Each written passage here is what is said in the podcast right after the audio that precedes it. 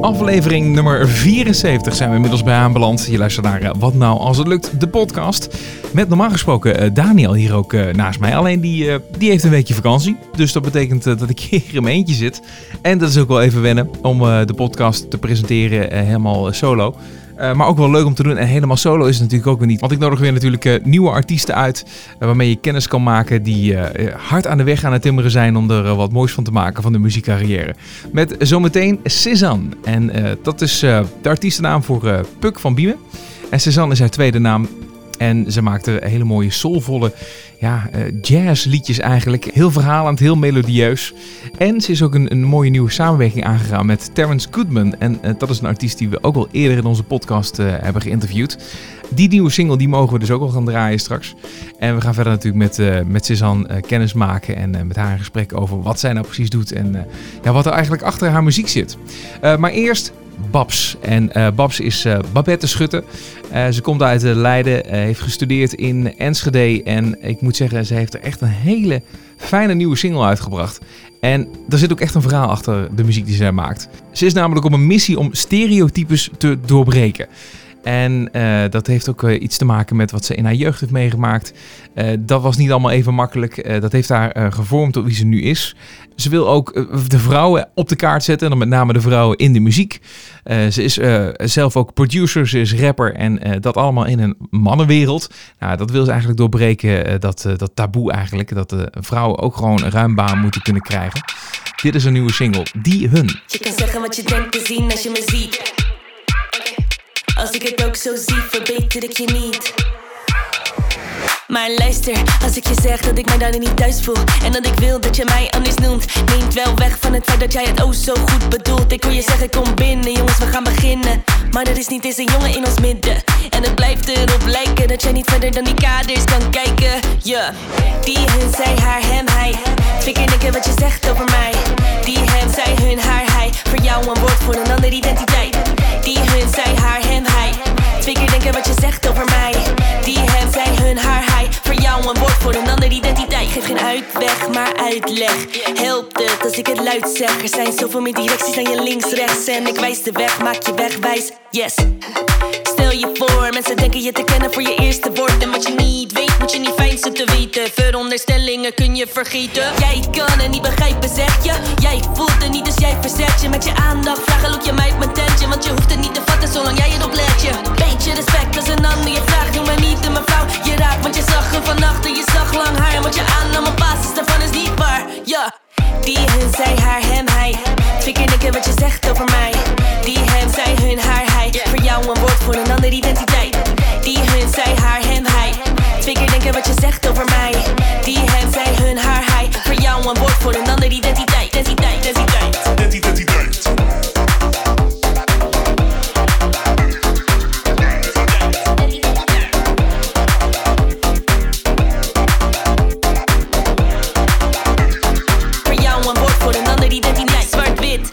een grijs gebied, ik geef toe. Soms dan zie je kleuren niet, maar beter dat moeten we, zullen we doen. Vragen die stellen we, fouten erkennen we als sis. Kan het zijn dat je niet ziet wat er mis is? Zal je zien dat je hier en daar een gis mist? Dat het olie op het vuur zo is, dus je wist wat het name is en het slipt? Dat is ongemakkelijk. Niet voor jou, maar voor hen maatschappelijk. Want in het nieuws gebeurt het nog steeds dat het lijkt alsof de dead name niet dood is geweest. Niet iedereen is zo binair als formules in je GR. GR, geen 0 of 1. Non-binair, dus verwijderd uit je software. Software, ja. Yeah. Die, hun, zij, haar, hem, hij. Twee keer wat je zegt over mij. Die, hem, zij, hun, haar, hij. Voor jou een woord voor een andere identiteit. Die, hun, zij, haar, hem, hij. Twee keer denken wat je zegt over mij. Die, hem, zij, hun, haar, hij. Voor jou een woord voor een andere identiteit. Iedereen is zo binair als formules in je GR. GR, geen 0 of 1. Non-binair, dus verwijderd uit je software. Software, niet iedereen is zo binair als formules in je GR. GR, geen 0 of 1. Non-binair, dus verwijderd uit jou een woord voor een andere identiteit. Ja.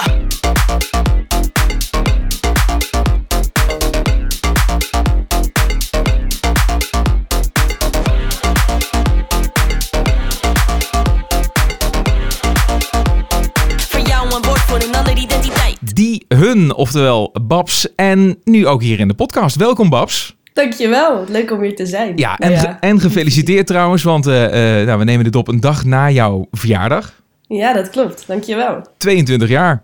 Ja, zeker. Ja, hoe voelt het? Ja, het, uh, ik voel me denk ik nog niet helemaal 22. Maar ja, tegelijkertijd is het natuurlijk ook maar een getal. Dus, dat is waar. Dat is hoe waar. moet dat voelen? Dus het zit ook een beetje tussen je oren. Maar het kan natuurlijk ook het, misschien wel een gevoel uh, geven van een nieuw jaar. Dus daar gaat, daar gaat wat gebeuren. Ja, dat wel. Ik heb Ja? sowieso echt een heel goed jaar achter de rug. Dus uh, ik heb wel echt zoiets van kom maar op. Kom maar op, ja precies. Oké, dat, is, dat is goede energie. Maar, maar dat, Ja. is ook, dat is ook wat jij uitstraalt, vind ik. eh, op een hele positieve, ook wel stoere manier. Gewoon, eh, een, weet je wel, eh, een, een, een ja, krachtige kijk op de toekomst en wat je, wat je doet en wat je wil gaan doen. Mhm. Nou, leuk om te horen. En daar ben ik natuurlijk wel nieuwsgierig naar, naar hoe, wat daar precies achter zit en naar hoe dat, dat natuurlijk komt. Ehm, Ja. Want eh, het hele eh, identiteit zoeken, het eh, genderneutrale, daar je, waar je ook nog een, een, boodschap eigenlijk hebt, misschien wel een missie, da- daar gaan we het zo meteen nog wel even over hebben. Maar ik ben altijd wel benieuwd om even terug te spoelen in de tijd. Dus als we Mhm. even naar jouw, nou ja, jouw, nou, je vroege jaren, je jeugd gaat, wat, wat kun je Mhm. je muzikaal dan nog van herinneren? Muzikaal. Nou, ik, ehm, ik ben opgegroeid in een gezin waarbij op zich mijn ouders wel een beetje muzikaliteit hebben. Ehm, mijn moeder die, ehm, die heeft echt op hoog niveau eh, piano gespeeld. Maar ze miste toch ergens ja, een beetje de drive om door te pakken. Ehm, terwijl ze anders wel misschien concertpianist had kunnen worden. Dus dat is heel tof. En mijn vader die, eh, die speelt in een bandje en die is bassist. En daar is hij niet heel goed in. Maar mijn vader die staat wel echt eh, goed op het podium. Hij heeft wel heel erg een soort van podiumgeilheid, zoals hij dat zelf noemt. Podiumgeilheid, ja, ja. Ja, ja. en ik heb dat ook vanaf jongs af aan al gehad. Ik had eh, heel vaak dat ik dan een soort van optredens wilde geven. Als meisje van ja, zes al. En dat ik dan gewoon heel veel mensen bij elkaar verzamelde. En familie en eh, mensen die langs ons huis liepen zelfs. Ja. Dat ik zei, kom kijken, ik ga optreden. En dat ik dan, eh, nou ja, muziek aanzette en eh, ging dansen. En ik kon er helemaal niks van. Maar ik vond muziek geweldig. En ik vond dus, ja, een soort van in de spotlight staan geweldig. Ja, precies. Ja. Maar welke zi- muziek eh, selecteerde je daarvoor dan? Ehm, nou, ik ben eh, vroeg begonnen met een beetje hip-hop, RB en pop. De eerste platen die ik zeg maar luisterde, of nou ja, die mijn ouders aanzetten, waren van de Black Eyed Peas en Justin Timberlake en Rihanna. Ja. Dus ehm, daar zat ik best wel vroeg in. En, Maar dat ehm, heb je dan van je ouders? Die, die gaven dat al mee, die muziek? Of dat had jij zelf eh, ontdekt? Nee, echt. Dat zijn wel echt de, een van de eerste CD's die ik gewoon gehoord heb in de woonkamer. Ja, Dus- ja, ja. Oké, maar ja. ik weet ook wel dat mijn ouders dat dan als cadeau kregen van bijvoorbeeld een neef of een nicht. Dus ik weet niet of ze het echt zelf hebben uitgekozen. Maar ehm, Bij jou kwam het binnen. Ja. Ja. ik vond het heel erg opvallend. Dat bijvoorbeeld bij de Black Eyed Peas, dat is echt een rap. Ehm, maar ik vond dus die klanken heel interessant. Zij doen af en toe een combinatie van Engels en Spaans. Nou ja, dat maakte voor mij niet uit, want ik verstond het natuurlijk niet. Maar ik vond die klanken heel boeiend en dat ritme. En ik wilde dat ook graag een beetje nadoen. Dus dan, ja, dan ging ik echt gewoon een beetje die klanken imiteren. En ehm, dat ritme, dat is me altijd bijgebleven. Ik hou heel erg van hele ritmische muziek. Dus Ja, ja, ja. Dus de Black Eyed Peas zou je wel als een, als een inspiratiebron zien, al eh, van jongs af aan dus. Ja, maar wel echt de, de, de eerste twee albums. Want ja, het is iets commerciëler geworden. Ja. Ehm, dus op een bepaald moment ben ik wel afgehaakt. Maar in principe, ja, de Black Eyed Peas en ook Justin Timberlake en Rihanna. Ja. En ja, je zegt dan eh, dat je dus eh, ook dus de spotlight opzocht eigenlijk. Hè? Op die manier, dat zat al ergens in je. Ja, Ehm, maar eh, ik heb ook eh, van je gehoord in andere interviews dat, dat, dat je, hè, als je vervolgens op de, de basisschool, middelbare schoolperiode eh, komt, dat, dat je daar ook wel een lastige tijd hebt gehad.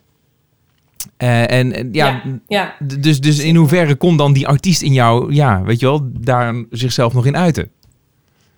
Ja, nou, ik moet zeggen, dus de hele middelbare schoolperiode, dat ik dat echt eventjes, ehm, ja, dat dat even weg is geweest. Het was een soort van deel van mijn persoonlijkheid die even is verdwenen onder een, eh, een hoop eh, onzekerheid. Ja, Want ik ben dus, ja, ik ben best wel gepest en ehm, had wat dat betreft niet zo'n makkelijke periode ehm, op de middelbare school. En ja, als je onzeker bent, dan is zo'n zo'n kant van je ook moeilijk om... eh, naar boven te halen, ja. ja, want het is wel iets waar je echt zelfverzekerdheid voor nodig hebt. Je kan, ja, als je op het podium staat, dan moet je ook wel een beetje een soort van eh, Ja. eh, ballen hebben en, en lef tonen wat dat betreft.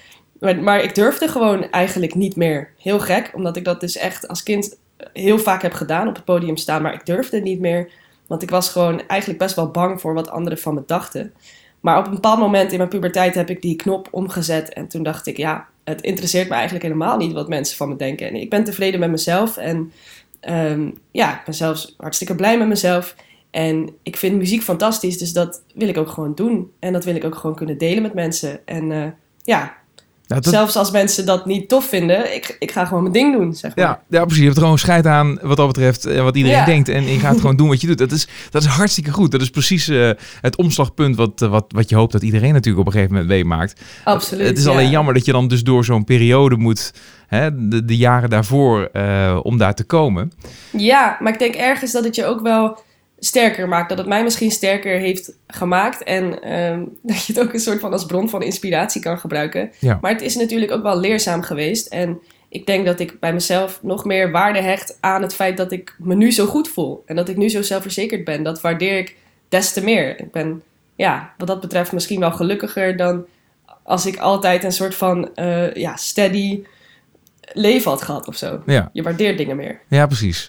Maar er, er, moet ook een soort van bevestiging komen. Dus op het moment dat jij denkt van uh, ik, ik, ga het anders doen of ik wil het anders doen of je wilt heel graag, dan moet, dan moet ergens ook weer van buitenaf die bevestiging zijn van dat, dat wat je doet, dat dat goed is. Ja, dat is zeker waar. Ja. En wat was dat voor jou dan? Ja, dat is denk ik eigenlijk um, misschien best wel laat gekomen. Um, nou, op een bepaald moment toen, uh, toen uh, maakte me dus allemaal niet meer zoveel uit. En toen ben ik echt mijn hart gaan volgen. Ook al vond ik dat hartstikke eng. En toen heb ik auditie gedaan bij het conservatorium. Ben ik uiteindelijk uh, terechtgekomen in Enschede, um, Artes. En ben ik een opleiding tot producer gaan doen. Maar ook toen ben ik best wel onzeker geweest van, ben ik wel goed genoeg? Zelfs terwijl ik, ik was aangenomen. Maar goed, ik dacht, ja. ben ik wel goed genoeg? Um, en ik zat in een klas met alleen maar jongens eigenlijk. Uh, die, het al heel, die heel lang al produceerden. En ik produceerde zelf eigenlijk pas net. Dus ja, toen had ik nog steeds wel een beetje onzekerheid van... Uh, hoor ik hier wel, ben ik wel goed genoeg? En toen in uh, jaar twee volgens mij... Toen op moment toen had ik een liedje geschreven. En ik dacht, ik ga ook gewoon zelf performen. Want in principe is het de bedoeling dat je de tracks produceert. En dan kan je met andere mensen samenwerken. Maar ik dacht, nou, ik produceer het zelf. Ik schrijf de tekst zelf. En ik ga het zelf performen. En toen liet ik het aan een docent horen.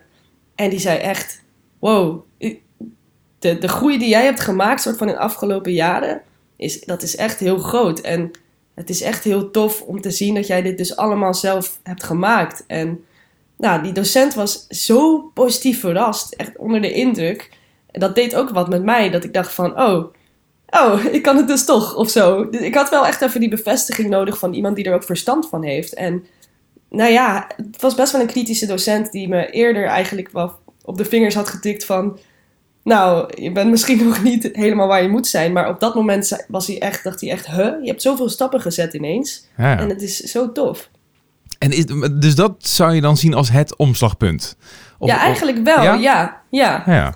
Dus, dus nog zelfs na je middelbare schooltijd uh, eigenlijk, uh, tijdens het conservatorium... daar had je op een gegeven moment een soort van identiteitomslag van... jongens, dit is het, dit is wat ik ja. doe. En die ga ik mee wel, verder. Ik denk wel als het gaat om dus dat ook echt artiest zijn. Omdat, um, nou ja, ik had wel daarvoor al genoeg zelfvertrouwen om, om te beginnen aan zo'n opleiding natuurlijk. Maar dat was wel als producer en songwriter. Dus dat was nog Ja. wel achter de schermen. Dus die podiumgeilheid en alles wat ik eerder had gezegd, dat was nog steeds weggestopt. Ik stond nog steeds niet op het podium. Ja. Maar vanaf, de, ja, dit is het omslagpunt geweest dat ik dacht, wacht, hé, hey, ik kan ook zelf de artiest zijn van mijn eigen producties. En misschien kan ik dan zelfs met die producties op het podium staan. Dus ja, toen Ja. is het, eh, Ja, precies. Ja, heel goed. gaan lopen, denk ik. En, en, en jij als persoon dan? Hè? Want is dat, eh, is dat ook een dingetje geweest dat je ook een beetje zocht naar nou ja, wie jij bent als persoon eh, in, in, die, in die tijd? Dat dat een zoektocht was? Ja, ja, op de middelbare school zeker. Ja, ik heb me altijd een beetje de outsider gevoeld. Ik ben gewoon best wel een soort van stoer. En ehm, ik merkte gewoon in mijn klas dat ja, alle meisjes een beetje wat, wat tuttiger waren en een beetje elkaar imiteerden. En ik had gewoon eigenlijk niks met wat zij deden. En ik had hele andere interesses. Dus ik merkte al gelijk gewoon, ik, ben, ik was wat anders dan zij waren. En ik paste niet echt binnen ja, de, de norm, zeg maar. Dus ik heb best wel moeten zoeken van, nou ja, wat, waar pas ik dan wel bij? Waar hoor ik dan wel bij? En wie ben ik nou eigenlijk? En uh, nou, zo'n puberteit is natuurlijk wel een moment dat je dat, uh, ja, dat, is, dat, je is dat ontdekt. Een en al vaagheid natuurlijk. Het is allemaal uh, chaotisch wat er dan op je afkomt. Ja, En je absoluut. moet er maar op een of andere manier uitzien te komen. Dus niet, Ja. ja, dat, dat, doet iedereen wel op zijn eigen manier. Ja. En, en ik hoorde ook dat, dat het, het afknippen van je haar, dat dat ook een soort van Ja. meehielp. Ja, absoluut. Ja, ik eh, zat bij een toneelvereniging en ehm, nou ja, dat was het eerste moment van ja, de mi- middelbare schoolperiode dat ik mensen tegenkwam die net zo waren als ik, die gewoon ja, heel creatief waren, eh, wat alternatiever en eh, nou ja, die ook veel bezig waren met identiteit en bijvoorbeeld ook seksualiteit. En dat was iets waar ik ook een beetje mee in de knoop heb gezeten. Maar toen kwam ik echt mensen tegen die gewoon mij begrepen. En ehm, dat gaf ook wel een boost in mijn zelfvertrouwen. Omdat ik, ik voelde me niet meer alleen. Ik dacht, hey, kijk, de- deze mensen binnen mijn toneelvereniging... die waarderen het zo erg dat ik gewoon mezelf ben. En die vinden dat hartstikke leuk. Dus, ehm, nou ja, ik was altijd een beetje een onzeker meisje geweest. Ik had heel lang haar en dat kon je ook een beetje als gordijn zien. ik was Ja, mezelf een beetje aan het verbergen daarachter. En toen dacht ik, ja, ik wil eigenlijk al een tijdje kort haar, maar ik durf het niet. Want wat nou als mensen het niet mooi vinden? Maar toen dacht ik, weet je wat, ik wil het zelf doen. En als ik het zelf tof vind, dan maakt het dus helemaal niet uit of anderen het niet mooi vinden. Dus toen dacht ik, schaar erin en gaan. Ja, toen heb ik het Ja. afgeknipt. En ehm, nou, ja, toen, ja, ik weet niet wat het was, maar toen was ik echt zo blij. Voelde ik me er zo goed bij. En ehm, ja, ik heb ook het idee dat mensen me toen heel anders zijn gaan zien. Dat mensen toen echt zagen van, oh ja, Pops, oh ja, dat is die, die, stoere chick, zeg maar. En dat ze echt zagen van, eh, die verbergt zich niet meer. Die is echt zichzelf en, en die is ook echt, ja, duidelijk zelfverzekerd daarin. Ja, oké. maar is dat, eh, is dat dan omdat je dan je haar kort had of ging je ook eh, anders gedragen? Ik denk dat het een combinatie was. Ik denk dat eh, aan de ene kant dat ik meer zelfvertrouwen had gekregen, mijn haar afknipte en toen nog zelfverzekerder werd. En ook in mijn uitstraling dat er iets is veranderd. Want ik ging dus van echt onzeker naar een soort van heel spontaan, extravert. Dat is de persoon die ik ben en dat kon ik ook echt zijn. Dus ik was ook, denk ik, in mijn uitstraling gewoon eh, heel erg veranderd wat dat betreft. Ja, ja, ja. dat, dat is mooi. Dat werkt dan samen eigenlijk, hè? Ja, precies. Ja. En eh, dus dat ook een beetje als jou als persoon een soort van omslag. eh, en, en misschien is het wel zoiets heel praktisch als dat, hè? Dat je dus gewoon eens even eh, heel andere kleding. eh, Ja. ja, je hoort ook naar de sportschool.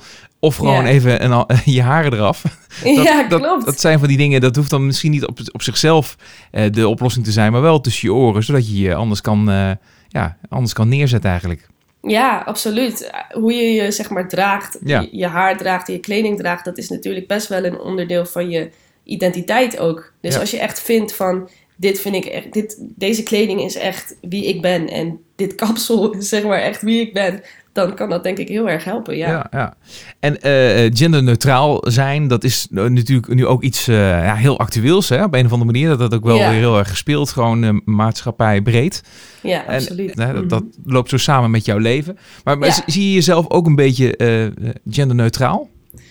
Ehm, ja, wel een beetje. Ja, ik vind het op zich zelf wel fijn, bijvoorbeeld in mijn kleding, om ja, iets te dragen wat een beetje neutraal is. Dus ik ben niet zo van de jurkjes, maar eh, ja, ik ga ook niet per se eh, de, hele andere kant op. Dus ik vind dat zelf wel fijn. Ik heb wel eens mensen horen zeggen van dat ik een beetje een soort van, ja, dus genderneutrale uitstraling heb. En dat, daar kan ik me op zich ook wel in vinden. Maar ik moet zeggen dat ik wel ook de persoonlijke voornaamwoorden zij, haar, vind ik wel prettig. Ehm, maar ik weet ook gewoon van mezelf dat ik niet per se heel erg soort van vrouwelijkheid uitstraal. Of, of, maar ook niet per se mannelijkheid. En ik vind het wel fijn om daartussen te hangen eigenlijk. Ja, ik denk ja. dat het niet zo zwart-wit hoeft te zijn. En dat het een spectrum, een beetje een spectrum is. En dat eh, ja, ik ergens eh, in het midden zweef misschien. ja, precies. Dus als je het hebt over eh, zij, haar, dat, dat, zijn wel de, dat is wel de manier hoe je, waar je voorkeur ligt om te worden aangesproken. Ja, dat is zeker waar. Ja, Ja, maar het is wel heel specifiek ook, omdat als iemand bijvoorbeeld mij een dame noemt, dat is echt zo'n woord waar ik voel me niet per se een dame. Maar Ja. ja, op zich, zij haar vind ik prima. Maar eh, dame klinkt ook weer zo. Ja. Er zit best wel nuance tussen bepaalde woorden wat dat betreft. Het is het ook. Dat, ja, precies. Ja. Dat, het, zit heel, eh, het komt heel nauw eigenlijk. Maar dat Ja. is ook precies wat jij mee wil geven. In het liedje bijvoorbeeld wat we net hoorden, die hun. Ja, Eh, Daarmee geef je dat eigenlijk ook aan. Dat is toch ook een beetje de strekking van je, van je, van je boodschap. Waarin je wil aangeven van let nou juist op die nuance. Ja, precies. Die nuance is heel belangrijk. Voor bepaalde mensen ehm, is het gewoon zo belangrijk dat dat erkend wordt. En ehm, ik begrijp heel goed dat er mensen zijn die niet zo goed weten hoe dat werkt. En ook grammaticaal, van hoe, hoe verwerk je die hun in een zin. Maar ik denk dat het gewoon heel belangrijk is dat als iemand aan je vraagt van... zou je me zo willen noemen, dat je dat respecteert. Die, Ja. ja. dat respect is zo belangrijk. Ja.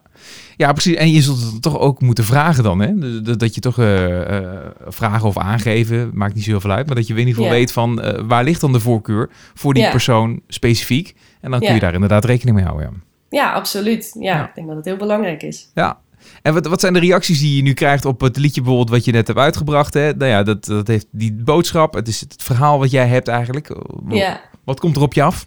Ja, veel, echt veel positieve reacties. Dat is echt heel, eh, heel fijn om te merken. Er zijn heel veel mensen die dus die boodschap zo eh, ja, belangrijk vinden ook. En eh, die zich gehoord voelen. Dus dat vind ik echt heel erg belangrijk. Dat het ook een beetje een soort van snaar raakt of zo bij, bij mensen. Ehm, en dat die boodschap overkomt. Dus ook bij mensen die er helemaal niks per se mee hebben of eh, niks vanaf weten. Eh, die hebben wel wat geleerd door naar het liedje te luisteren. Dat vind ik heel, heel bijzonder. ja. Tegelijkertijd zijn er ook heel veel mensen die gewoon zeggen: Oh, hier kan ik heel goed op dansen, zeg maar. Maar voor iedereen heeft het dus wat. En dat, ja, dat vind ik wel heel bijzonder. Ja, ja nou, precies. Want even los van de boodschap en de, de teksten die, eh, die heel duidelijk en, en helder zijn, eh, zit er ook gewoon een heerlijke beat zit erin. En productioneel zit het gewoon heel goed in elkaar. Dankjewel. Ja, dit, het is gewoon, eh, wat dat betreft, dat doet het niet onder aan de producties van een Little Kleine of, of Ronnie Flex, bij wijze van spreken. Nee, nee. Maar ja, ik Zijn dat, eh, zijn dat artiesten waarmee je wel in het rijtje zou willen staan? Nee, nee, eigenlijk niet. Nee, ik denk sowieso dat we natuurlijk een heel eh, andere uitstraling, een heel ander verhaal hebben. Ehm, en misschien, ja, wat dat betreft, zijn die muzikanten ook wat commerciëler dan ik ben. Ja? Eh, Ja, nou ja, ja. sowieso inderdaad inhoudelijk, hè, zoals ik al zei, textueel, dat, dat is natuurlijk een heel ander verhaal. Maar productioneel Ja. zit je dan echt wel, je zit ook een beetje qua genre ook wel in hetzelfde straatje, maar je boodschap is natuurlijk compleet anders. Precies, en dat, dat is het hem juist. Ik vind eh, hip-hop en rap vind ik echt fantastisch. Maar ik zou, ja, ik, ik vind niet per se dat ik in dat, dat rijtje pas. En ik hoop juist ook een soort van verschil te kunnen maken. ehm, omdat, ja, een, soort van, hoe zou ik het zeggen, vernieuwing of zo, wat dat betreft. Omdat ik wel qua genre dat doe, maar qua tekst iets heel anders. En ik denk dat die combinatie van die twee dingen, die eh, een beetje misschien onverwacht is voor sommige mensen, dat dat juist ook wel ehm, authentiek kan zijn of is. En ehm, hopelijk daarmee een beetje een verschil kan maken of zo. Ja, nee, absoluut. En sowieso is het natuurlijk het hele hip-hop en, en rap genre ook wel, eh, ja, goed, als je het hebt over eh, stereotypen. Dat, Ja, dat, dat, dat, stroomt het van over vaak. Ja, daarom. Dus ik denk dat het ook wel zo'n soort van vernieuwende thema's kan gebruiken. En dat het ook wel goed is dat er in dat genre een keer ehm, een ander verhaal wordt verteld. Het gaat natuurlijk heel vaak over ehm, wel de maatschappij en eh, nou ja, ehm, een soort van straatleven. Dat, daar gaat het nog wel eens over. Ehm, maar ik denk dat het ook goed is dat er dus hele andere onderwerpen aan het licht komen. Ook in die scene. Met welke artiesten zou je dan wel een keer eh, willen samenwerken? Of met wie zou je wel in het rijtje willen staan? Oef. Nederlandse, Nederlands? Nederlandse artiesten, ja. Ja, Nederlandse artiesten. Ehm, ja want de Black Eyed Peas, dat weten we. ja, ja, ook leuk. Ja, ja ehm, momenteel vind ik, eh, ik vind Vrouwtje echt heel tof. Ik Ja. vind wat eh Merel doet ook heel tof. En ik denk dat dat allemaal ook een beetje aansluit op wat ik doe. Het heeft ergens ook een activistisch karakter. Maar het zijn ook gewoon hele lekkere liedjes. Mhm. Ehm, dus wat dat betreft, ja, dat zijn dat wel eerder artiesten waar ik mee in een rijtje zou willen staan, Ja. zeg maar. En misschien, eh, nou ja, kan daar nog wel een keer een samenwerking uitkomen, toch? Ik bedoel, eh, Ja, nou in principe zou ik dus eh, deze zomer samen met hen op een podium hebben gestaan. ehm, als support act. Dus wat, ja, dat was echt een beetje voor mij een, een soort van droom die uitkwam. Maar ja, door corona is dat helaas niet doorgegaan. Dus Ja. dat is jammer. Maar wie weet in de toekomst. waar, waar zou dat zijn geweest? In Hengelo. Oké, Ja, festival. ja, ja een festival, ja. Leuk. Ja, nou ja, dit, dit hele corona-verhaal, dat heeft natuurlijk veel eh, impact gehad. Eh, ook voor jou natuurlijk. Ja, Ehm, eh, ja, hoe ben je daar door, doorgekomen? Je hebt natuurlijk veel muziek gemaakt. Is dat de reactie geweest op die lockdown en dat het allemaal niet meer, niet meer was zoals het, zoals het eerder was? Ja, absoluut. Ja, mijn eerste single heb ik geschreven in de eerste maand van de lockdown. Dus een soort van dit is echt mijn jaar geweest. En uh, corona heeft me eigenlijk wat dat betreft in het begin helemaal niet uh, in de weg gezeten. Ik had Nee. juist heel veel inspiratie. Ik heb heel veel gemaakt. Had heel veel de tijd om uh, mezelf te ontwikkelen. Dus dat is heel goed gegaan. Nou ja, op een bepaald moment wilde ik natuurlijk wel optreden. En ja, toen was het toch wel een beetje jammer. Um, maar al met al heb ik gewoon heel veel muziek kunnen maken. Ja, misschien is de timing nog niet zo heel slecht. Dat nu Nee. langzaam maar zeker maar wat, wat meer kan. En, Ja. en jij met je eh, singles eh, bent gekomen. En een EP die er aan het eind van het jaar aan zit te komen, begreep ik. Ja, ja precies. Ja, Ja. november. Dus het voelt voor mij wel alsof eh, de, timing, de timing juist wel Ja. eh, klopt. En dan laten we hopen dat het festivalseizoen 2022 eh, helemaal los kan gaan. ja, precies. Met, met, met jou ook, weet je wel. Dus dat, Ja. dat zou toch wel, wel mooi zijn. ja, en het-. Liedje wat we zo meteen nog mee afsluiten, dat zegt natuurlijk ook een hele hoop. ja, klopt, ja. Ja, ja. ik- ja, ja zeg maar. Ja, Wat zit pandemie moe. Pandemie, moe, ja. Ja, dat zijn we Ja. natuurlijk allemaal wel. Maar is het, is het dat waar je, waar je over schrijft? Eh, ja, maar het is tegelijkertijd, het is een, ehm, want nou ja, je hebt dus net gehoord over de verschillende thema's die ik in mijn nummers verwerk. En Pandemie Moe valt misschien een beetje buiten de boot wat dat betreft. Maar ik wilde het wel ook een beetje een soort van kritisch nummer maken, eh, met wel echt inhoud. Dus het gaat voor mij ook over, ehm, nou ja, de keuzes die gemaakt zijn eh, binnen de regering. En eh, of dat nou zulke handige keuzes waren. En eh, ik heb het ook bijvoorbeeld over de rellen die zijn geweest. Dus er zit ook een soort van maatschappelijk kritisch ja, aspect in. En dat vond ik wel belangrijk, ondanks dat het ook wel weer zo'n nummer is waar je gewoon ja, lekker een beetje op kan bouncen, zeg maar. Ja, precies. Ja, ja. Ja heel goed. En ehm, ja, even vooruitkijkend hè, op de toekomst. Want eh, ja, hoe zie je dat voor je? Eh, En, en, en met name dan ben ik wel benieuwd naar dat activistische wat jij zegt. Ja. Hè, je wil die boodschap meegeven. Eh, zal dat ten alle tijde het centrale ding zijn? Het uitgangspunt dat je, dat je een boodschap hebt die je duidelijk wil overbrengen? Ja, in principe wel. Maar ergens is natuurlijk de muziek ook wel het belangrijkst. Ik ben en blijf een, een muzikant. Ehm, maar ik vind het wel echt zeker belangrijk dat dat, dat dat in mijn muziek ook te horen blijft. En ehm, dat ik aan de hand van mijn muziek zou ik gewoon heel graag uiteindelijk voor meer repres- representatie kunnen zorgen. Want mijn missie is ook een beetje om op te komen voor de vrouwen in de muziekindustrie. Er zijn echt heel weinig vrouwelijke producers bijvoorbeeld en rappers die eh een spotlight krijgen. Dus het voelt alsof daar wat mist qua representatie. En ik zou dat ook heel graag eh, op me willen nemen, omdat representatie gewoon heel belangrijk is. Zeker als je dus wil dat er een verandering komt in die aantallen van bijvoorbeeld vrouwelijke producers en rappers. Dan moeten er ook soort van rolmodellen zijn. Dan moeten jonge meisjes, of nou ja, het hoeven niet eens meisjes te zijn, maar wel eh, naar iemand kunnen opkijken of kunnen denken van hé, hey, dit is dus een, een optie. En daarom is die representatie zo belangrijk. En ik hoop dat naarmate ik soort van groei als muzikant ehm, en mijn naam soort van groter wordt, dan zou ik heel graag dat een beetje ja, Ja, als een, voor- een voorbeeld van, eh, nou ja, zo, kun je dat doen, zo kun je ook bereiken wat je wil. Ja, en ook, zo, ja, ook een beetje laten zien van... Er is een beetje een stereotype van... eh, ja, vrouwen die kunnen niet produceren. Of nou, in ieder geval, er zijn gewoon echt wel weinig, weinig vrouwelijke producers... Die, eh, die een soort van aandacht krijgen. Dus ik wil ook echt bewijzen van... hey, hoezo? Het heeft helemaal niks met gender te maken. En, en we kunnen dat zeker wel. Ja, precies. En, en, en, en de reden waarom dat dan, dan nu dan is, eh, dat, dat is toch echt wel omdat het echt een mannenwereld is waar je dan in terechtkomt. eh Ja. Zo'n muziekwereld. Ja? Ja, absoluut. Maar het is denk ik een combinatie van verschillende factoren. Ten eerste is het altijd een, een door mannen gedomineerde we- wereld geweest. Dus het is best wel. Het spreekt je niet echt aan als je geen man bent. Ehm, en als je er dan in terechtkomt, dan krijg je ook continu dat stereotype eh, ja, te horen. En dan voel je dat ook wel. Je- ja, je Ja. voelt gewoon dat je in een klas zit met alleen maar mannen. En dat je af en toe hier en daar onderschat wordt. En dat mensen dan... Je krijgt ook wel vaak de reactie van... Oh, dat klinkt heel goed. Dat had ik eigenlijk niet verwacht. Wat een Ja, beetje flauw is. Waarom had je dat niet verwacht? ja, precies. Ja. Ja. Ja.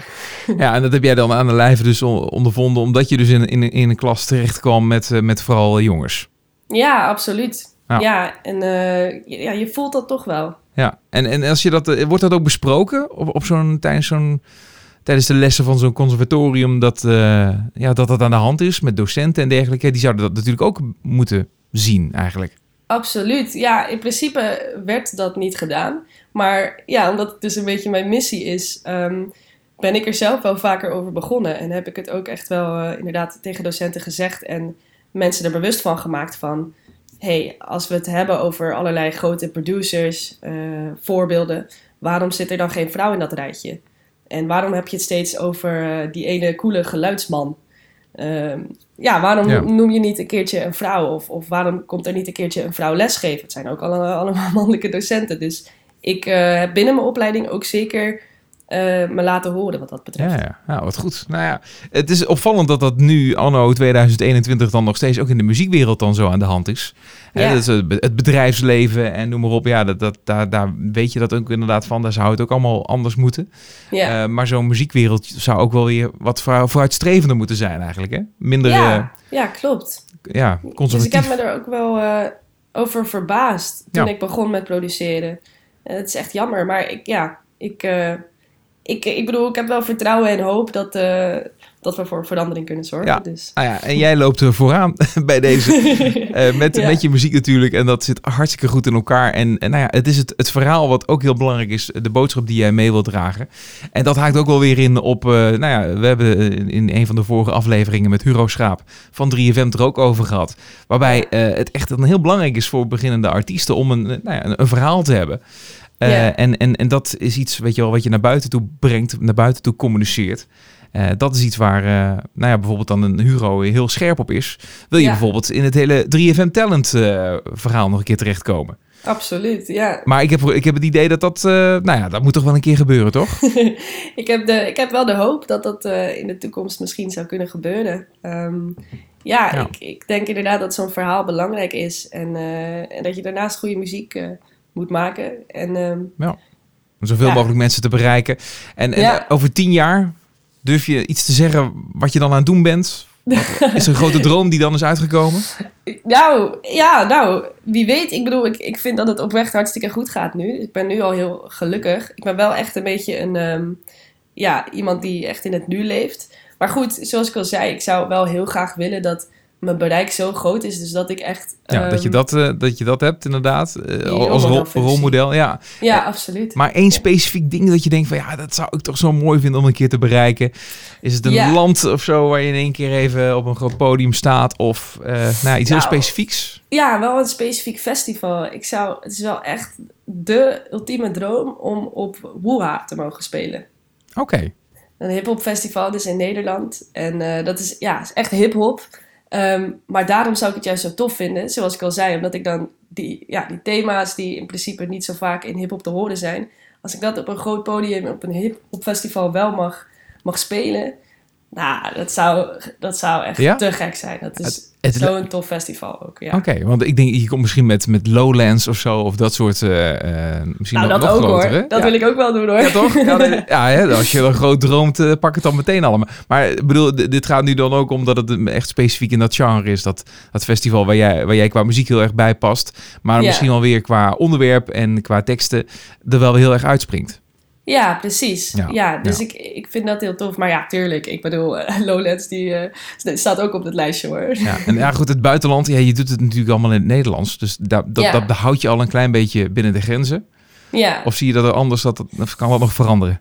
Nou ja, ik heb, wel, ehm, ik heb wel gezien dat bijvoorbeeld als je Nederlandse muziek maakt, dat je ook eh, ja, in België best wel een, een podium kan krijgen. Dus dat is heel Ja. tof. Ik hou sowieso heel erg van reizen. Dus ja, tuurlijk wil ik naar het buitenland. Maar ik, ik, ben, ik vraag me wel af, inderdaad, in hoeverre Nederlandse muziek zou kunnen aanslaan in eh, ja, eh, een, land is, een land als Amerika bijvoorbeeld. Dat, dat vraag ik me wel af. Nou ja, je zegt dan dat je, dat je graag zou willen reizen, dat dat, dat, dat het je aanspreekt. Bijvoorbeeld een land als Amerika. Maar zou jij je muziek willen aanpassen om dan in het buitenland bijvoorbeeld dan eh, daaraan te kunnen werken? Dat is, ja, dat is een goede vraag. In principe ehm, vind ik dat er best wel ook kracht zit in het Nederlandse. Maar ik heb ook wel in het verleden in het Engels geschreven. En eh, zeker als ik natuurlijk een, een boodschap heb en mensen een soort van iets zou willen meegeven, dan, dan is het wel fijn als dat nog breder kan dan alleen in Nederland. Ja. Maar ik zie het dan eerder voor me in een soort van vorm waarin ik af en toe bijvoorbeeld eh, een soort van vertaalde versie van een nummer zou hebben. Dus het nummer die hun, dat zou je best wel makkelijk nog naar het Engels kunnen vertalen. Want het zijn natuurlijk de- dezelfde soort van korte woorden. In het Engels is het dan they, them. Ja. Maar goed, dat, dat verandert het ritme van het nummer niet eigenlijk. Dus, hey, dat is een goed idee dus. Ja, precies. De Engelse versie van die? Ja. They, them. Dat zou heel vet zijn, ja. Ja. Ja, goed. En dan, en dan zou je bijvoorbeeld in zo'n land als Amerika aankomen. En dan moet ik, wel, dat, dan moet ik toch denken aan dat dat land nog eh, conservatiever is dan, dan wij hier in Nederland zijn. Dus ik denk Ja. dat je daar tegen eh, grote obstakels eh, gaat lopen Ja. met zo'n boodschap. Dat, dat dat nog wel eens gewoon mensen ja, op een of andere manier dat je ze niet meekrijgt, zeg maar. En, de- Nee. en dat mensen er misschien helemaal verontwaardigd over worden of wat dan ook. Ja, zou jij tegen zoveel kritiek bijvoorbeeld kunnen? Dat dat ja, gewoon een heel bevolkingsgroep achter je aankomt of zo. nou, ik overdrijf misschien, maar hè, omdat, ze, omdat ze zich zo, nou ja, op een of andere niet kunnen vinden in jouw teksten, in jouw boodschap. Ja, interessant scenario wat je, Ja. wat je schetst. Ehm, ja, in principe, kijk, als je zelf gewoon achter je boodschap staat en achter je muziek en je gelooft daarin, dat, dat doe ik, dan, ehm, ja, dan, dan is er niet zoveel aan het handje. Zeg Nee, oké, maar, maar je, je moet je ook nog een soort van, ja, eh, het, ja, god, hoe kun je dat nou zeggen? Dat je een beetje comfortabel voelt. Kijk, hier in Nederland kunnen we best wel veel doen, weet je wel. We hebben best ja, wel veel ja. vrijheid en we kunnen zeggen wat we willen. En natuurlijk Ja. eh, gebeuren er wel eens dingen, maar over het algemeen eh, staan we daar best wel vrij in. In andere landen is dat een heel ander verhaal. En in Amerika zou zo'n boodschap als die van jou echt goed passen, want ze hebben daar nog heel veel te leren. Maar tegelijkertijd zou het ook een beetje een onveilig gevoel geven om, om zo op die manier je, je mening te verkondigen. Ja, ja, dat misschien wel. Dat is misschien zo. Maar tegelijkertijd is muziek juist ook een heel goed middel daarvoor, denk ik. Omdat je bent wel hele specifieke dingen aan het zeggen en echt een verhaal aan het vertellen. Maar niet iedereen luistert zo specifiek naar die tekst. Dus tenzij je dus echt heel erg op die tekst inzoomt, Ja. ehm, ehm, ja, kan je dat misschien dat gevoel opwekken. Maar ik denk niet dat iedereen die dat nummer hoort massaal een idee heeft Nee. van... Wow, waar gaat het over? zeg Nee, precies. Maar, goed, maar ja, weet je, je komt ook in interviews terecht. Je komt, eh, weet je wel, dan willen mensen ook het verhaal weten, zoals nu, weet je wel. Dan, Ja, ja, de, de ene die kan zich daarin vinden en niet. Stel je bent nou in één keer bij Oprah Winfrey op de, in de, op de bank, ik zeg maar wat. Eh, Ja. dan, hè, dan, dan zijn er miljoenen mensen die niet zozeer naar je muziek luisteren, maar wel naar jouw Mooi verhaal wat je op dat moment eh, vertelt. Ja. Maar goed, dat is wel heel ver, ver. Maar het, is, het, het gaat er natuurlijk uiteindelijk om dat hoe blijf je, ja, blijf je vooral comfortabel genoeg voelen en veilig genoeg voelen om te zeggen wat je wil. En eh, Ja, ik weet ook dat het echt niet bij iedereen even goed valt. En ik heb ook echt wel reacties gehad van... eh, ja, wat is dit voor onzin, zeg maar. Maar ehm, ja, het- ik denk dat tegelijkertijd dat het wel nodig is. En dat ik wel liever gewoon muziek maak met een boodschap... en daar de juiste mensen mee bereik... eh, dan dat ik ja, liefdesliedjes ga schrijven... ja. waar iedereen zich in kan vinden. Want dan heb ik niet het idee dat ik echt iets, kan, dat ik echt iets bijdraag... ehm, en iets vertel. Vind ik heel mooi. Vind ik heel mooi. Hou dat vast. Blijf dat vooral doen. En dan ben je nu hartstikke goed aan het doen. Ik ben heel benieuwd naar eh, de EP die dan al aan zit te komen aan het eind van dit jaar. Yes. Weet je al hoe die gaat heten? Ja, dat is nog wel een tipje van de sluier. Het, eh, de EP gaat ruimtevrees heten. Ruimtevrees is in principe een ander woord voor eh, ja, claustrofobie. En het gaat dus echt over eh, hokjes denken. Of in ieder geval eigenlijk het naar vinden als er in hokjes worden gedacht. Dus die hokjes wil je doorbreken. Mooi. Ehm, ja, daar, daar heeft het alles mee te maken. Heel goed. Nou, nogmaals, eh, complimenten voor je muziek en, eh, en de manier hoe je het aanpakt. En eh, we blijven je volgen. Dat is heel interessant. En we gaan afsluiten met Pandemimoe. En nou ja, dat omschrijft eigenlijk wel hoe we ons allemaal een beetje voelen, denk ik, op dit moment. dus dat, dat, dat is hartstikke goed. Hey, dankjewel, Babs. En veel succes met alles en met je muziek. Jij bedankt. Hartstikke leuk om hier te zijn geweest. Het liefst ben ik steeds in de stad. Een stad die leeft niet onder mijn voeten beeft elke rel. Een stap van het pad. Afgezien van het leed verleden, maar niet vergeven. Ik ben liever geen pessimist, maar denk niet dat vernietiging een antwoord is. Ik heb ook niet het eind in zicht, maar zie zelf door die tunnel wel een stadje lucht. Pandemie, hoe? Ik ben er elke dag, maar ik wil naar huis toe. Hoe? En elke dag zit ik vast in die buis. Ik ben elke dag, maar ik wil naar huis toe. Pandemie, hoe? En elke dag zit ik vast in die buis. Ja. Ik zie dezelfde vier muren. Elke dag, het moet niet langer duren. Mark het op mijn buis, vertellen wat niet mag en niet kan. Dat is een hoop macht, man. Pandemie, pandemie, moe. Wist ik het doen? Zou China iets met me doen? Stuurden we vet met pensioen? Ging een miljoen? Researching op naar de zorg. Er wordt geprikt, ze zijn bezig. Dus mijn optimisme is aanwezig. Maar tot dan, hoe doden we de tijd? Voelend aan de tand van de overheid. Pandemie, moe. Ben er elke dag, maar ik wil naar huis toe. Pandemie, moe. En elke dag zit ik vast die buis. Pandemie, moe. Ben er elke dag, maar ik wil naar huis toe. Moe. En elke dag zit ik vast in die buis. Pandemie, moe.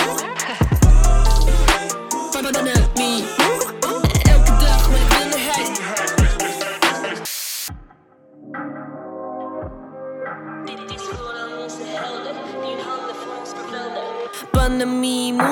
Artsen werken voorspoedig met hitte onder de voeten. Maar toch blijven ze koelbloedig. Ik sta niet achter elke keuze. Soms hebben woorden ook wassen neuzen. Maar je kan het niet beter en even serieus. Kon het echt anders of was er geen keus? Was er geen kennis? Omdat de pandemie toch vrij nieuw is. Iedereen overal even benieuwd is. Ik hou hoop dat het straks voorbij is. Maar tot die tijd. Ben ik Panami Hoe? Ben er elke dag, maar ik wil naar huis toe. Panami Hoe?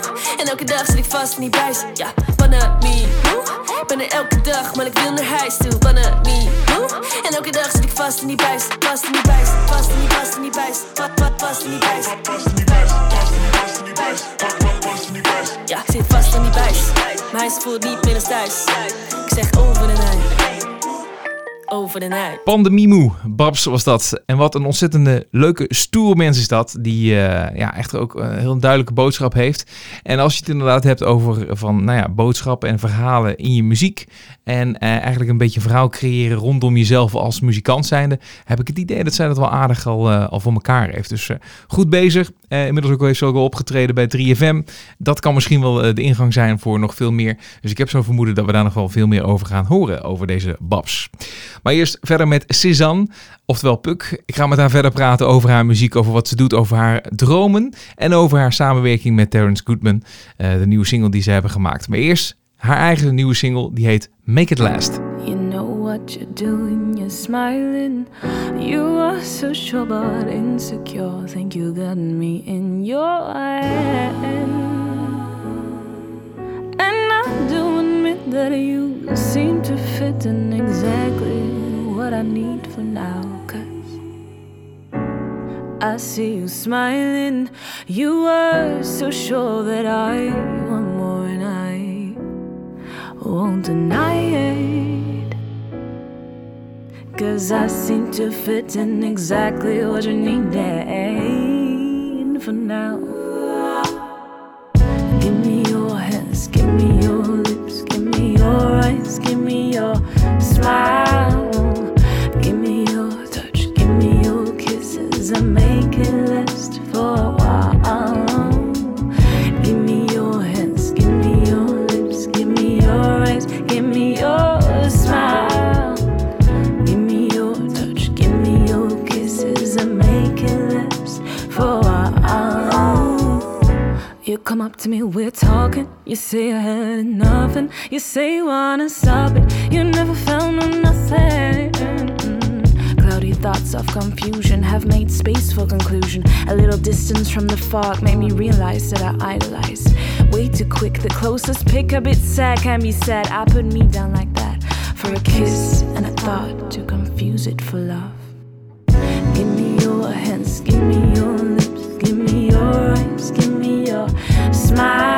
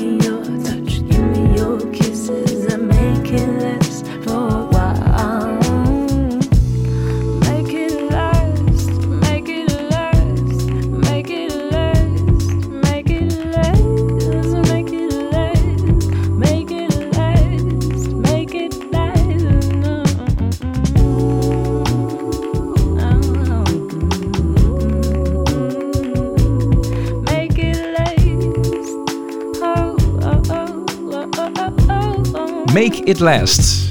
Puk van Biemen, Dag Puk. Hoi. Maar ik wil eigenlijk zeggen Cézanne, want dat klinkt natuurlijk nog mooier. Ja, dankjewel. Ja.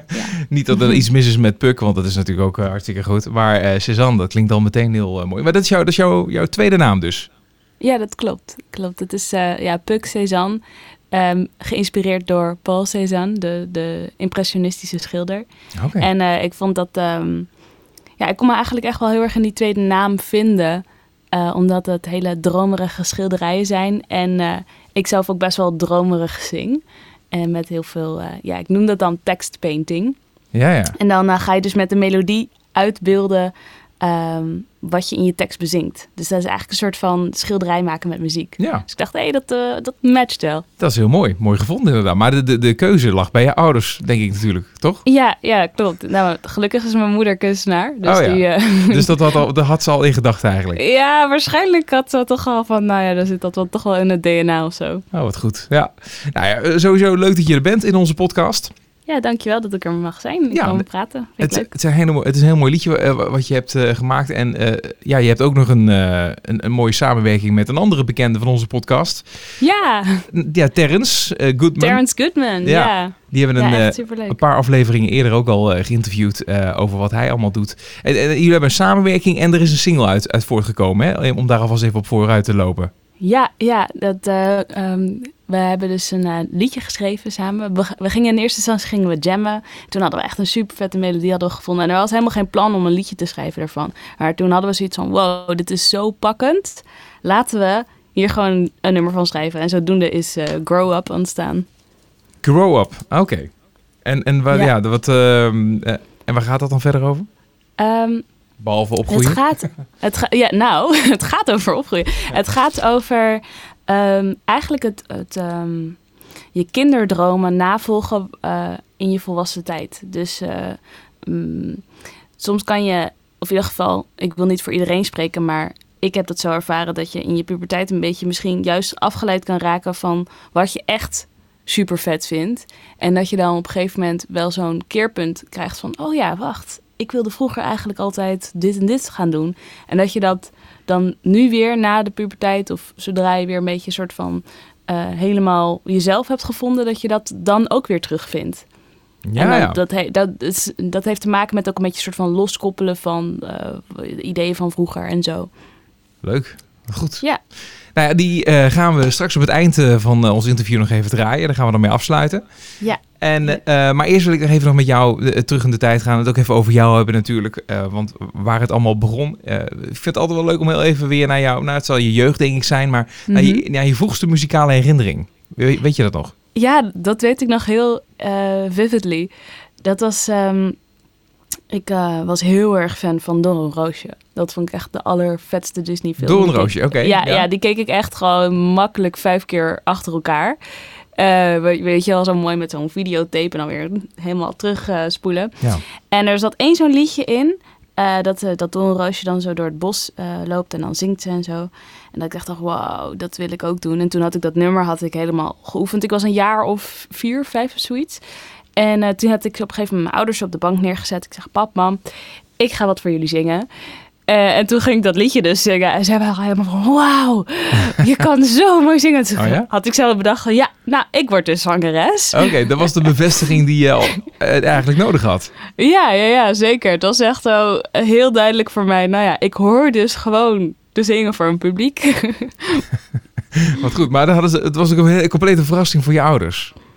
Ehm, nou ja, ik weet niet of, of het zeg maar geveinsde verrassing was. Ja, of dat ja. het daadwerkelijk... eh, Ja, Want precies. ik kan me Eh, niet voorstellen dat ik daarvoor nooit heb gezongen. Maar misschien was dit echt zo'n... Voor mij, in ieder geval in mijn geheugen echt zo'n duidelijk moment. ja, Dat ik weet van, oh ja.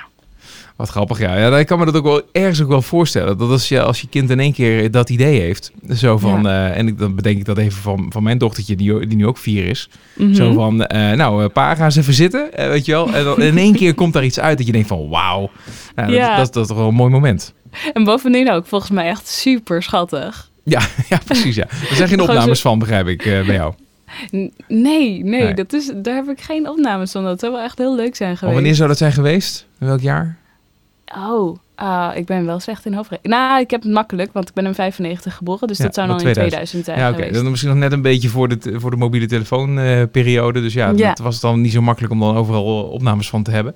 Eh, maar de herinnering is er wel. En die is natuurlijk net zo belangrijk. Dus dat heeft jou getriggerd om, eh, nou ja, om daar, daar verder mee te, te gaan eh, eh, werken eigenlijk. En, en meer met muziek te doen.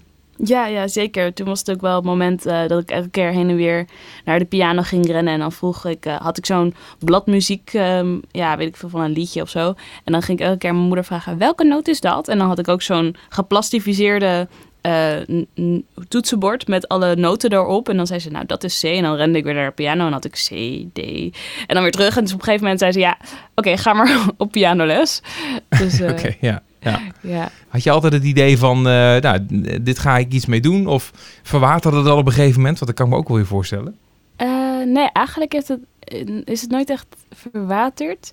Ik eh, ging dan bijvoorbeeld ook wel vaak naar musicals toe. Dat vond ik eigenlijk echt helemaal de shit. Ehm, en daar wilde ik ook heel graag inspelen. Op een gegeven moment heb ik eh, ehm, voor een eh, musical core auditie gedaan. En daar hebben we ook mee, dat was, toen was ik een jaar of negen of zo. Toen hebben we ook een, ehm, een album in de Wisseloord Studios opgenomen. Dat was met twee musicalsterren. En daar gingen we ook mee door Nederland en België en zo eh toeren. Oh, oké. Dus dat was echt al helemaal zo van, oké, wauw, dat vind ik echt super vet.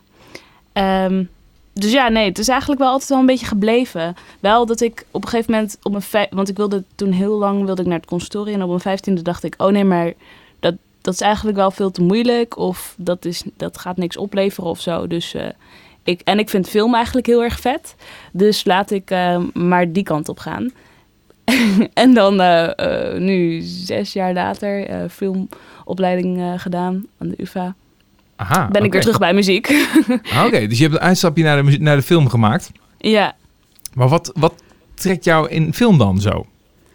Eh, het verhalen vertellen vind ik. Of nou, ja, verhalen vertellen. En ehm, ik denk dat dat eigenlijk in zowel muziek als in film zit, is dat ik eh, het ehm, overbrengen van emoties vind ik heel interessant. Dus dat je dat mensen zich zo kunnen laten raken en eh, ontroerd kunnen worden of vrolijk kunnen worden. Of, en ja, dat er iets los kan komen met zowel muziek als met film. Dat, dat is echt wel eh, waar Ja. mijn interesse in ligt. Nou heb je eh Doorn Roosje natuurlijk ook dan als hele grote inspiratiebron, ook op filmgebied, lijkt mij. Ja. Maar maar Ja. heb je dat, eh, zijn er wat van die films geweest die dat helemaal hebben bij jou getriggerd in de jaren daarna? Of nou ja, misschien juist een beetje zo rond die tijd dat je die opleiding deed?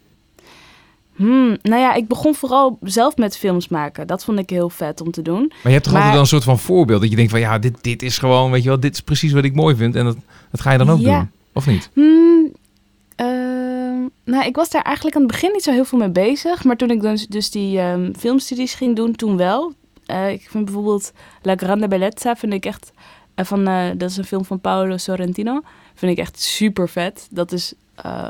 daar wordt gewoon met camerabeweging zoveel... Het is alsof je elke keer naar verschillende fotocollages kijkt of zo. Dat ik echt dacht, wauw, hoe kan je met een camerabeweging betekenis overbrengen? Dat vond ik echt, ja, dat, ja. dat is wel voor mij zoiets van, oh, dat wil ik dus ook. Dat, wel zo'n voorbeeld. Maar dat was niet heel vroeg al of zo. Dat kwam pas op een latere leeftijd. Nou ken ik die film dan niet, maar eh, ik, ik, begrijp al wel een beetje, je gaat wel meer, meer richting de kunstzinnige kant op van, het, eh, van, van film. Of, of eh, Ja, het. Hollywood-stijl, zeg maar, dat, dat trek je dan minder.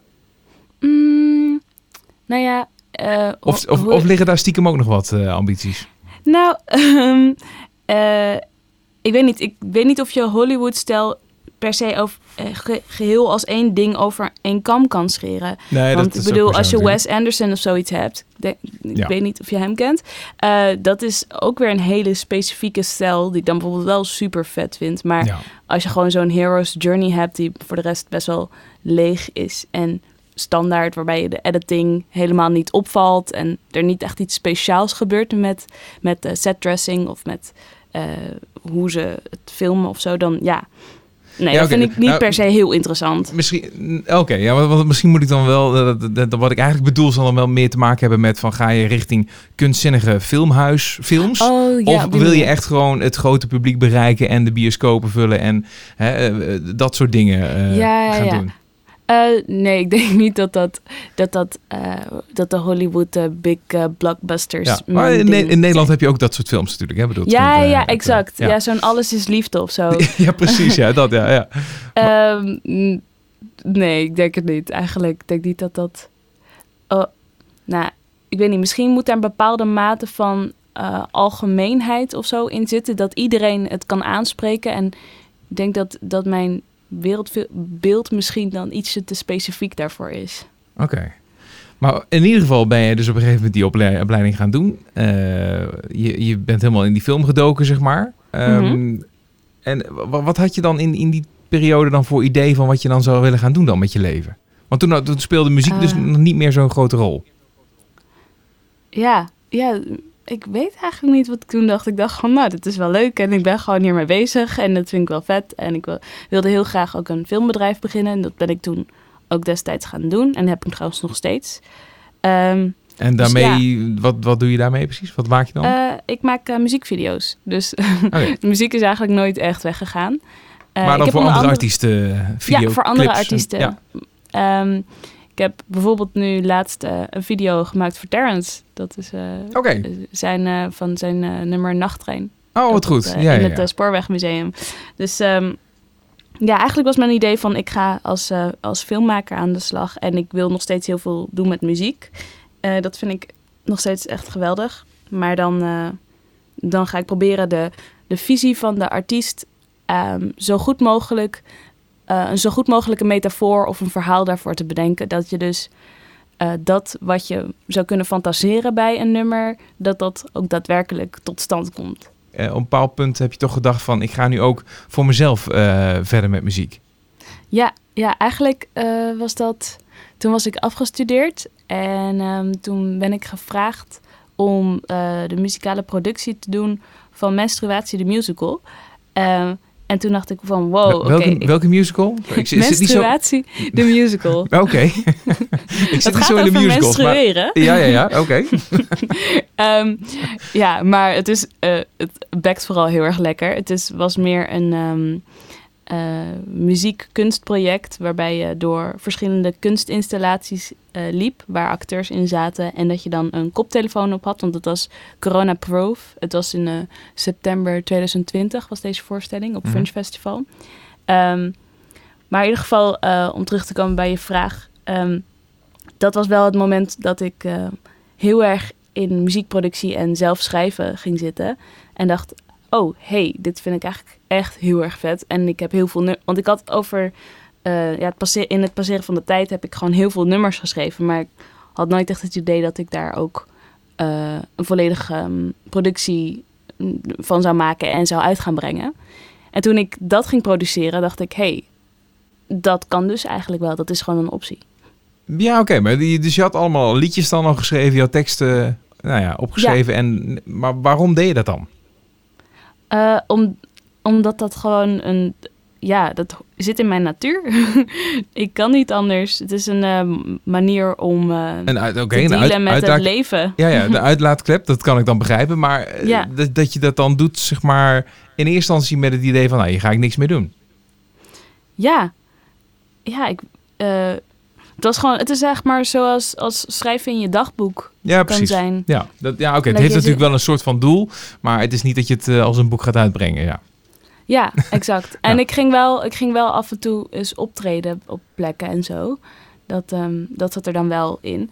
Maar ja, ik weet niet. Het, het leek gewoon heel erg ver weg of zo om dat, eh, om dat te doen. Dus ik kan ook echt heel erg aanraden voor mensen die nog in hun slaapkamer eh, liedjes schrijven en zingen en denken: oh, dat, dat gaat mij nooit lukken of dat is geen optie. Het is wel een optie. Je moet het gewoon ook opzoeken. ja, je moet het gewoon doen. En, Ja. en die drempel over, want dat, dat is het dus eigenlijk. Dus, dus kijk, want er is wel een klein verschil als jij zegt van, eh, ja, ik eh, schreef hier en daar al wat liedjes en ik deed iets met teksten en dergelijke, maar eh, ik deed, gebruikte het als een dagboek. Ja, dan, dan was je echt, dan bedoel, dan was er ook geen enkele ambitie in je om, dat, om daar iets mee te doen. Maar het, het kan natuurlijk ook zijn dat je denkt van, ja, die drempel is te hoog, maar stiekem heb ik wel gewoon die ambitie, wil ik wel graag dat ik, Ja. dat, dat, ik het- dat, dat dat ga uitbrengen en, en, en naar Ja, ik denk brengen. ook dat die ambitie er ook zeker eigenlijk wel was. Maar dat ik mezelf heel erg tegenhield en heel veel angst ook. Ja, Ja. Maar als je dat zo zegt, denk ik van ja, nee, maar volgens mij wilde ik het wel gewoon heel graag. Maar kan me dat specifieke gevoel niet zo goed meer herinneren. Omdat ik nu me niet anders kan voorstellen dan dat ik dat niet zou willen. Ja. Nou ja, precies. Het is natuurlijk ook wel zo dat op het moment dat die drempel zo hoog lijkt, dan, dan, eh, weet je, wel, grenst dat gewoon aan het onmogelijke. En, Ja. dan, en dan schrijf je het sowieso al weg, weet je wel. Dan heb je sowieso Mhm. zoiets van, nou, daar ga ik al helemaal niet aan beginnen natuurlijk. Ja, Eh, maar ja, de, de kunst is dan dus om die drempel toch een beetje omlaag te krijgen en, en, en Mhm. daar overheen te klauteren. Ja. Eh, maar maar eh, het- gewoon puur eh, dat, dat moment rondom die musical en dat je dacht van, eh, je kwam in aanraking met muziekproductie, dat Ja. liet jou eigenlijk zien van, hé, hey, dit kan ik ook. ja, ja, het was echt... ehm, ehm, Dus eigenlijk een kijkje in de keuken is dan vaak dan een soort van oplossing. Om die ja, drempel zeker. wat lager te Het maken. was, ik Ja. was met iemand anders, eh, was ik een nummer van mij gaan produceren, gewoon voor de fun. Want hij had een, eh, een home studio. En ik was helemaal van, wow, holy shit, dit is zo vet.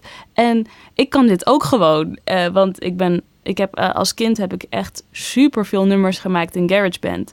En ik had zoiets van met Ableton, eh, dat vind ik eigenlijk gewoon precies hetzelfde. Of, nou, het is niet precies hetzelfde, want GarageBand is natuurlijk super dumbed down version. Maar het is heel intuïtief. Dus Ja. ik keek gewoon mee en ik dacht, nou ja, ik ga dat gewoon downloaden en ik ga dat ook doen. En zodoende. Maar het was inderdaad echt gewoon puur even meekijken met dat iemand dat op een chill, op een chille manier dat deed. Ja. En dat ik dat dan ook kon doen. En dat is dus, dus nu, eh, nou, hè, op het moment dat wij dit opnemen, nog, nog een, geen jaar geleden. Ja, Dus dat is, je zit zo, nou- ja, dat is echt wel... Nou, nee, nu is het wel bijna twee jaar geleden. Want, of, oh, wacht, september 2020 zeg ik. Nee, ja, Het was. eh, ja, wel. Oh, nou, toen was de voorstelling, maar eh, een jaar daarvoor begon ik, begonnen we met produceren van de, van de voorstelling. ja oké, oké. Dus dat, dat kwartje, dat viel dan zo'n jaartje of twee geleden. Ja, En daarbij ook eh, ja, uit te kristalliseren wat je dan precies wil. Ja, nou eigenlijk weet ik al heel erg goed wat ik wil nu. Eh, want ik ehm, ben nu bezig ook met het ehm, produceren van mijn EP. Die in februari uit gaat komen. En eh, nou ja, daar werk ik al mee samen voor, met producers. En er komt ook een EP-show en een kunstinstallatie bij. Ehm, en al die nummers die waren al een soort van semi in mijn gedachtes ontwikkeld. Wanneer Eh, dan? Eh, ja, in de afgelopen twee jaar. ja, precies. In die twee jaar. Ja, ja oké. Ja, ja, ja. Dus vanaf het moment dat dat kwartje viel, wist je al wel van eh, de- de- wel- precies in welke richting je wilde. Ja, ja het, het ging mij heel erg, want dat is echt een beetje het soort van het thema van de afgelopen twee jaar geweest, is zelfreflectie. En daar schrijf ik en denk ik heel veel over na. En dat was ook, ja, dat was, door, dat zit doordrongen in al mijn, eh, in al mijn nummers. En ehm, ja, Maar dat je dan vervolgens kiest voor een wat jazzy, R&B-achtig eh, genre, zeg maar. mhm. Dat was dan ook vrij logisch. Ja, ja. Maar dat is eigenlijk ook altijd wat ik al heb, eh, wat ik altijd al vet vond en wat ik altijd al een beetje maakte. Dus ehm, dat, dat Ja. voelde niet als echt ver van mijn bedshow of zoiets. Ja. Dat, nou ja, dat goed, is- kijk, op het moment als de, als de deur open gaat eh, en je bent die drempel over, dan, dan stap je als het ware in de wereld van muziek. Ja, en, en dan is natuurlijk alles mogelijk. Hè? Dan had je dan natuurlijk de, de, de meest gekke dingen Zeker. en uiteenlopende genres ervan kunnen maken. True. maar dat, heb- dat, dat, dat, zo experimenteel ben je daar niet mee aan de slag gegaan. Het was meteen echt wel duidelijk van, oké, dit is de focus die je wilde. nou ja, ehm, in die zin ben ik wel een beetje nog aan het experimenteren. Want ik vind bijvoorbeeld ook het heel vet om een beetje richting indie te gaan.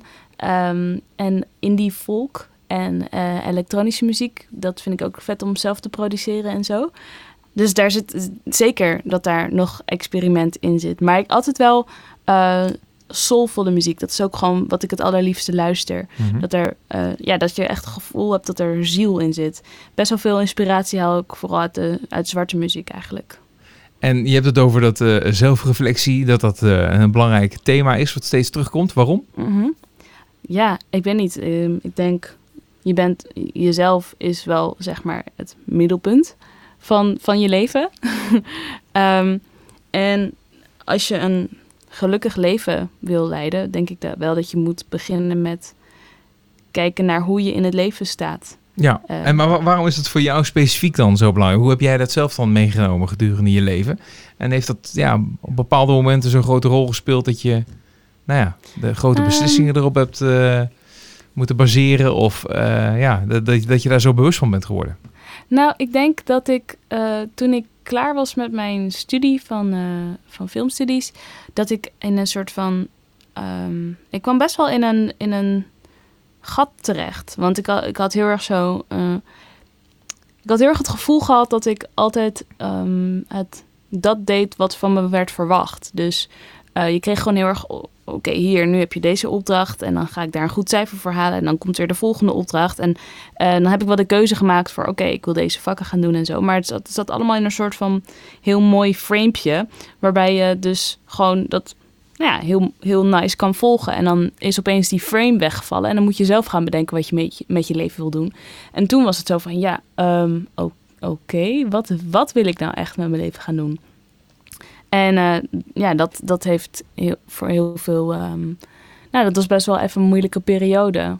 Dat ik ja, werd geconfronteerd met het feit dat ik het idee had dat ik een lange tijd niet had nagedacht over wat ik nou, wat ik nou echt wilde. Ja, oké. En hoe, hoe, ja, hoe ben je er uiteindelijk uitgekomen? Muziek. Ja, dus dat, ik ben dat, eh, naar dat- heel veel jam sessies gegaan en eh, eh, uiteindelijk besloten dus dat ik de muziek wilde gaan ja, volgen. eigenlijk tot, tot aan dat moment twee jaar geleden was dat nog een beetje allemaal vaag en, en, en, en wist je het niet precies of zo. Ja, ja, zeker. Dat is ook zeg maar het eerste nummer wat op mijn EP komt. En dat heet Water. En dat gaat letterlijk over een soort van gevoel hebben dat je een- aan het drijven bent in een enorme zee en geen idee hebt waar de fuck je eigenlijk naartoe gaat. Ja, ja, ja. Ja, dat is wel herkenbaar natuurlijk. Voor, voor, voor, voor, iedereen heeft waarschijnlijk wel in zijn leven zo'n moment. Ja, ja, zeker. Hey, en ehm, je bent op een gegeven moment eh, met, met, ook met Terrence eh, Goodman in, eh, in aanraking gekomen. Hoe, Ja. hoe dat zo? Ehm, ja, volgens mij via meerdere wegen. Eh, ik ben sinds ehm, volgens mij anderhalf jaar geleden nu naar Utrecht verhuisd. En, ehm, Vanuit? vanuit Amsterdam. Mhm. En eh, toen ben ik eh, in huis komen wonen met allerlei muzikanten. Waaronder Wouter van Dijk. En die speelde wel samen met Terrence. En ik had ook een andere vriend die ook samen muziek maakte met Terrence. En toen was er een jam sessie op een boot. en toen leerde ik hem kennen. En eh, toen was iets van, oh wow, we hebben echt allebei heel erg ehm, een eh, liefde voor soulmuziek. Dus laten we eens een keer eh, gaan jammen. Ja, En zodoende. En het was, ja, Terrence is natuurlijk ook echt een bekend persoon binnen Utrecht. Qua van, hij komt overal en iedereen kent zijn gezicht wel van, oh, dat is Terrence, de, de muzikant. ja, die is... Dus eh, ja, ja. ik was al zeg maar van hem op de hoogte. En toen, eh, ja, dat was wel grappig. Maar dat, dat kan ik me ook wel voorstellen dat binnen het Utrechtse, dat, dat, eh, dat, dat er ook wel veel mensen dan in de rij staan om met hem samen te werken. Of dat soort ideeën. Ik bedoel, als je met elkaar in contact komt als muzikant zijnde, dan ontstaat er al heel snel zoiets. Ja, Eh, en dan nou werkt hij natuurlijk sowieso al met, met, met verschillende mensen. Maar waarom, ja, waarom, had hij, waar- waarom dan met jou? nou, ik ben natuurlijk eh, hartstikke leuk. Ja, precies. Ja, ja. Eh, nou, ja. Eh, ik weet het niet eigenlijk. Ik denk eh, omdat hij mijn muziek ook vet vindt. Ja, nou ja, dat, dat zal het ook wel zijn. Maar ik kan me ook voorstellen dat, ja, dat, dat je dat op zich... Maar dat vind ik altijd wel sowieso al met eh, samenwerkingen tussen artiesten. Vind ik altijd wel mooi. Ja, dat, dat ze elkaar ergens daar vinden. Er is een soort van klik, wat dan weer Ja. met anderen dan niet zozeer is. Want dan, daar, daarop baseer je, baseer je überhaupt de beslissing om het te doen. Ja, daar, daar zeg je wat. Ja, want met sommige mensen heb je gewoon totaal geen vibe. Ehm, ja, en dat is eigenlijk bijna een soort van esoterisch-achtig iets dat je gewoon niet echt kan grijpen. Maar met sommige mensen kan je heel fijn muziek maken en dan hoef je niet zoveel. eh, dan, dan is de communicatie de muziek en dan hoef je elkaar niet iets te gaan uitleggen. Het floot gewoon en dat hadden wij ook. Ja. Dus dan, ja, dan is het een soort van, voelt het heel natuurlijk om eh, samen iets te gaan schrijven. Ja. En er is dan een eh, single uitgekomen, die ga je echt helemaal uitbrengen en dergelijke. Is dit dan het begin van nog veel meer? Tussen Met jullie? Terrence? Tussen, ja. Ehm, nou ja, ik, het lijkt mij hartstikke leuk om nog verder met hem te schrijven. Maar het is niet dat wij nu een duo of zoiets zijn. Nee. Oké, en, en, en waar komt die eh, single uiteindelijk eh, op? Eh, op jouw EP? Of, of wordt Eh, iets van hij, hem? het wordt als single wordt die uitgebracht. Ja. Ehm, En ehm, op allebei onze pagina's is dat te vinden. Ja, en het, dus, wordt, eh, het wordt niet een onderdeel, het is gewoon een losse single, zeg maar. het is gewoon een niet, losse eh, single, ja. Ja, Oké, ja. nee, heel goed. Dus niet Ja. op jouw nieuwe EP waar je, waar je mee bezig bent. Nee, nee, nee. Nou, we wilden niet zo lang wachten. Want die komt pas in februari uit. En, ja, eh, nou Dit is echt een nummer die we... We zijn echt fucking excited om deze uit te brengen. Hij is, ja, we vinden hem allebei echt super leuk. Ja, tof. Dus, ja. Hey, en nog even dan eh, wat meer richting de, de toekomst kijkend. Eh, ja, wat, wat, is nou echt een, een grote ambitie die je nu dan hebt? En ja, weet je, wel, laten we niet te veel denken aan drempels en hè, dingen die het Mhm. allemaal onmogelijk zouden kunnen maken. Eh, alles kan. Ja. Wat zou je dan graag nog willen, willen doen over, nou ja, over een aantal jaar bijvoorbeeld?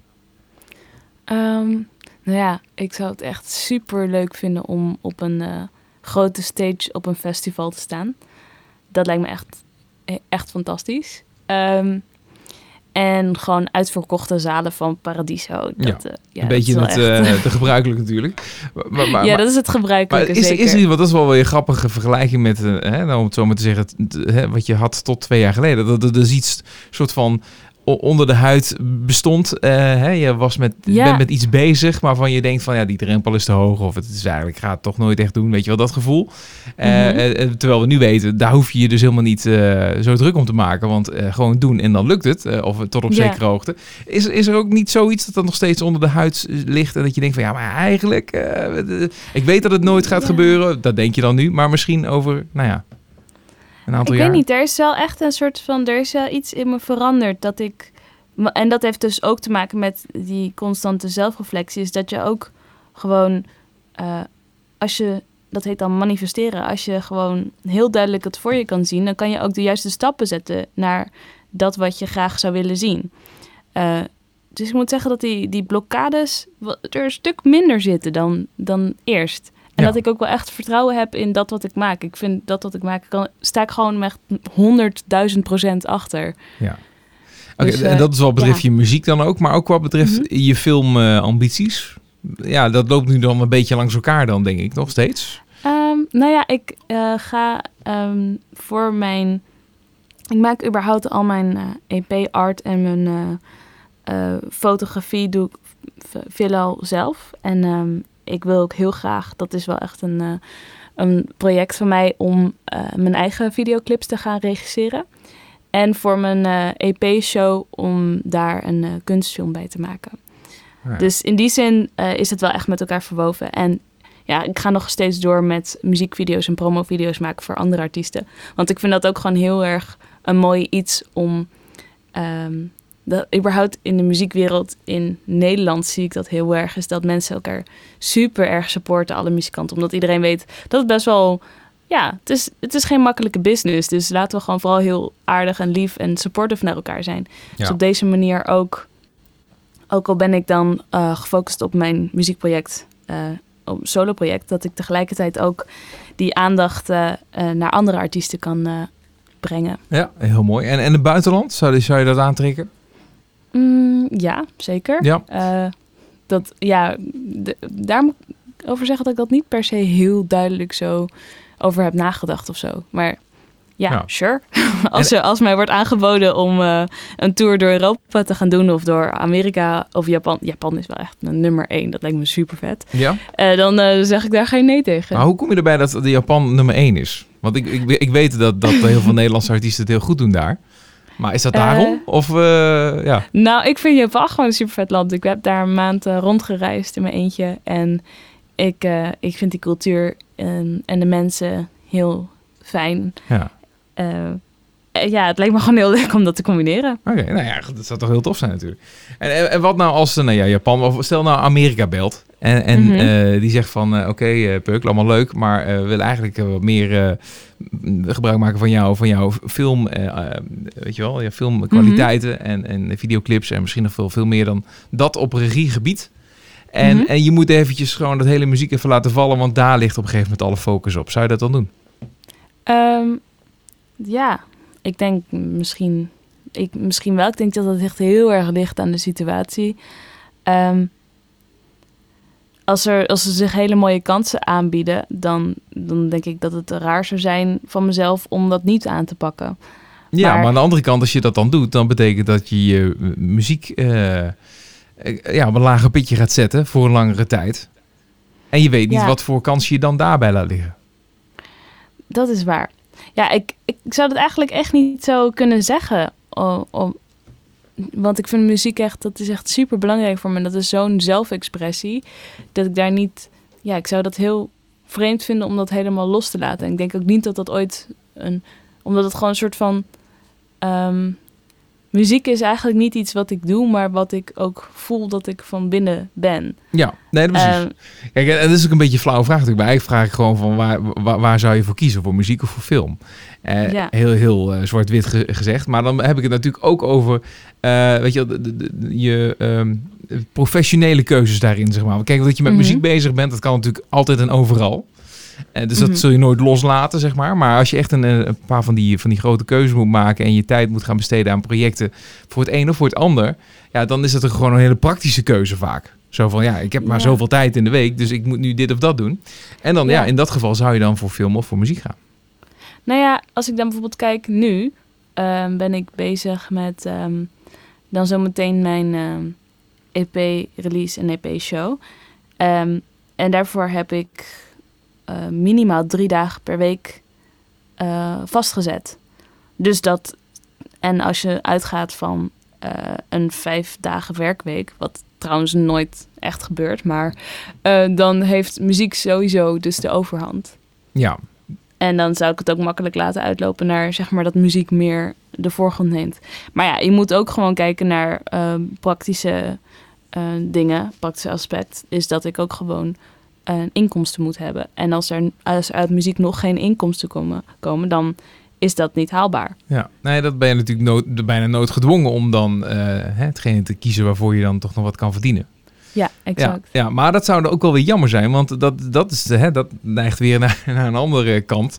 Waarbij Mhm. je dus, eh, nee, laat zeggen, je, je passie en je, ehm, eh, ja, de dingen die je eigenlijk van binnen heel graag wil doen, moet laten Mhm. liggen voor geld. Ja, maar is dat niet sowieso altijd een klein beetje een, eh, een probleem wanneer je in de creatieve sector zit? Dat Absoluut, je absoluut. af moet wegen van het eh, je eigen, compleet je eigen zin hebben of ook een soort van eh, Ja. water bij de wijn doen, omdat het dan beter verkoopt, omdat het commerciëler is. Nou ja, het, is- het zal je verbazen hoeveel mensen we interviewen in onze podcast die eh, heel, heel duidelijk du- durven te zeggen van, ja nee, ik wil gewoon doen wat ik wil doen. Ik moet het gewoon, dat bedoel, er is maar één manier en dat is wat ik, wat ik wil maken. En dan, als anderen het niet leuk vinden, dan, dan, ja, dan gaan ze maar iets anders luisteren. Ja. Eh, ik- oh, ik- nee, maar met muziek heb ik dat wel echt enorm. Dus echt muziek ga ik, ga ik geen eh, concessies voor doen. Eh, maar ehm, om muziek te kunnen maken, moet je wel concessies doen. Zeg maar, om dus precies te doen wat je wil doen binnen muziek, Ja. moet je daaromheen concessies doen. Nee, dat klopt. Ja. Ik vind het heel leuk om met jou kennis te maken op deze manier, eh Puk, oftewel Cezanne. Wij gaan afsluiten. Dat doen we dan ook met eh, de nieuwe single die je samen met eh, Terrence Goodman eh, hebt opgenomen. Ja, nou dankjewel voor deze leuke vragen. Ik eh, vond het echt super leuk om hier met jou over te praten. En hier is nou ja, jullie nieuwe single, Grow Up. My mama always told me, be careful what you do. Don't go out on a limb, so I'm scared of the new. Daddy always told me I should go for safety. Music is no real job, but not the real me.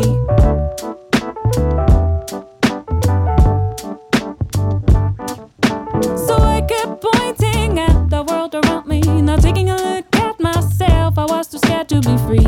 My words, my thoughts, I don't want to build them all. I know, I know, I know, I know. Let me go and I will do my own thing.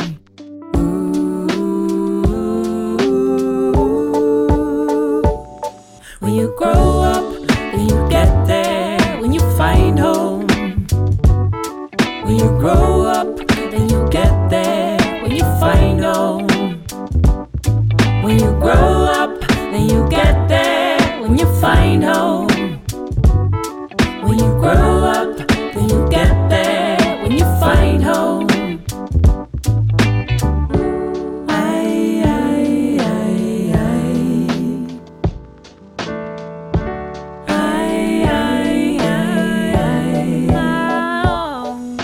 Now's the time to stand on my feet. Doing the things that I want, the things that make me happy. Time is going faster. Working my ass off, making my way in life and giving my best shot. I know what I want, and I know you mean well. And ooh, I know, so just let me. mm. I know,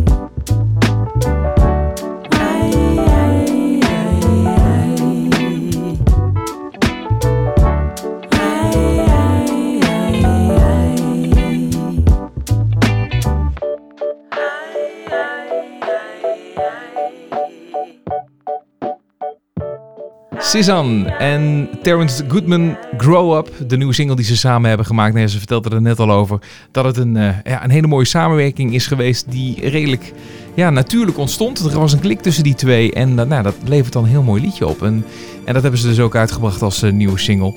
En eh, van Cezanne zelf hebben we ook Make It Last gedraaid. En dat zal dan op haar nieuwe EP komen waar ze mee bezig is. Cezanne dus en Babs, die je eerder in de podcast hoorde. De twee artiesten in eh, deze aflevering. Aflevering 74 van Wat Nou Als Het Lukt. We gaan gewoon vrolijk door en eh, daar kunnen we je hulp bij gebruiken. Heb je nou een goede tip, een muzikale tip, een artiest die wij zeker een keer moeten checken of moeten interviewen en uitnodigen in onze podcast? Laat het dan even weten. Je kunt het eh, doorgeven via onze socials, via Instagram bijvoorbeeld. Of je kijkt even op de website watnoualshetlukt.nl. En natuurlijk kun je ook via de website of bijvoorbeeld Spotify of je podcast app alle eerdere afleveringen terugluisteren. En eh, ja, volg ons vooral om op de hoogte te blijven van wat we allemaal aan het doen zijn. Ik spreek je de volgende keer weer. En dan als het goed is, is Daniel er ook weer. Tot de volgende.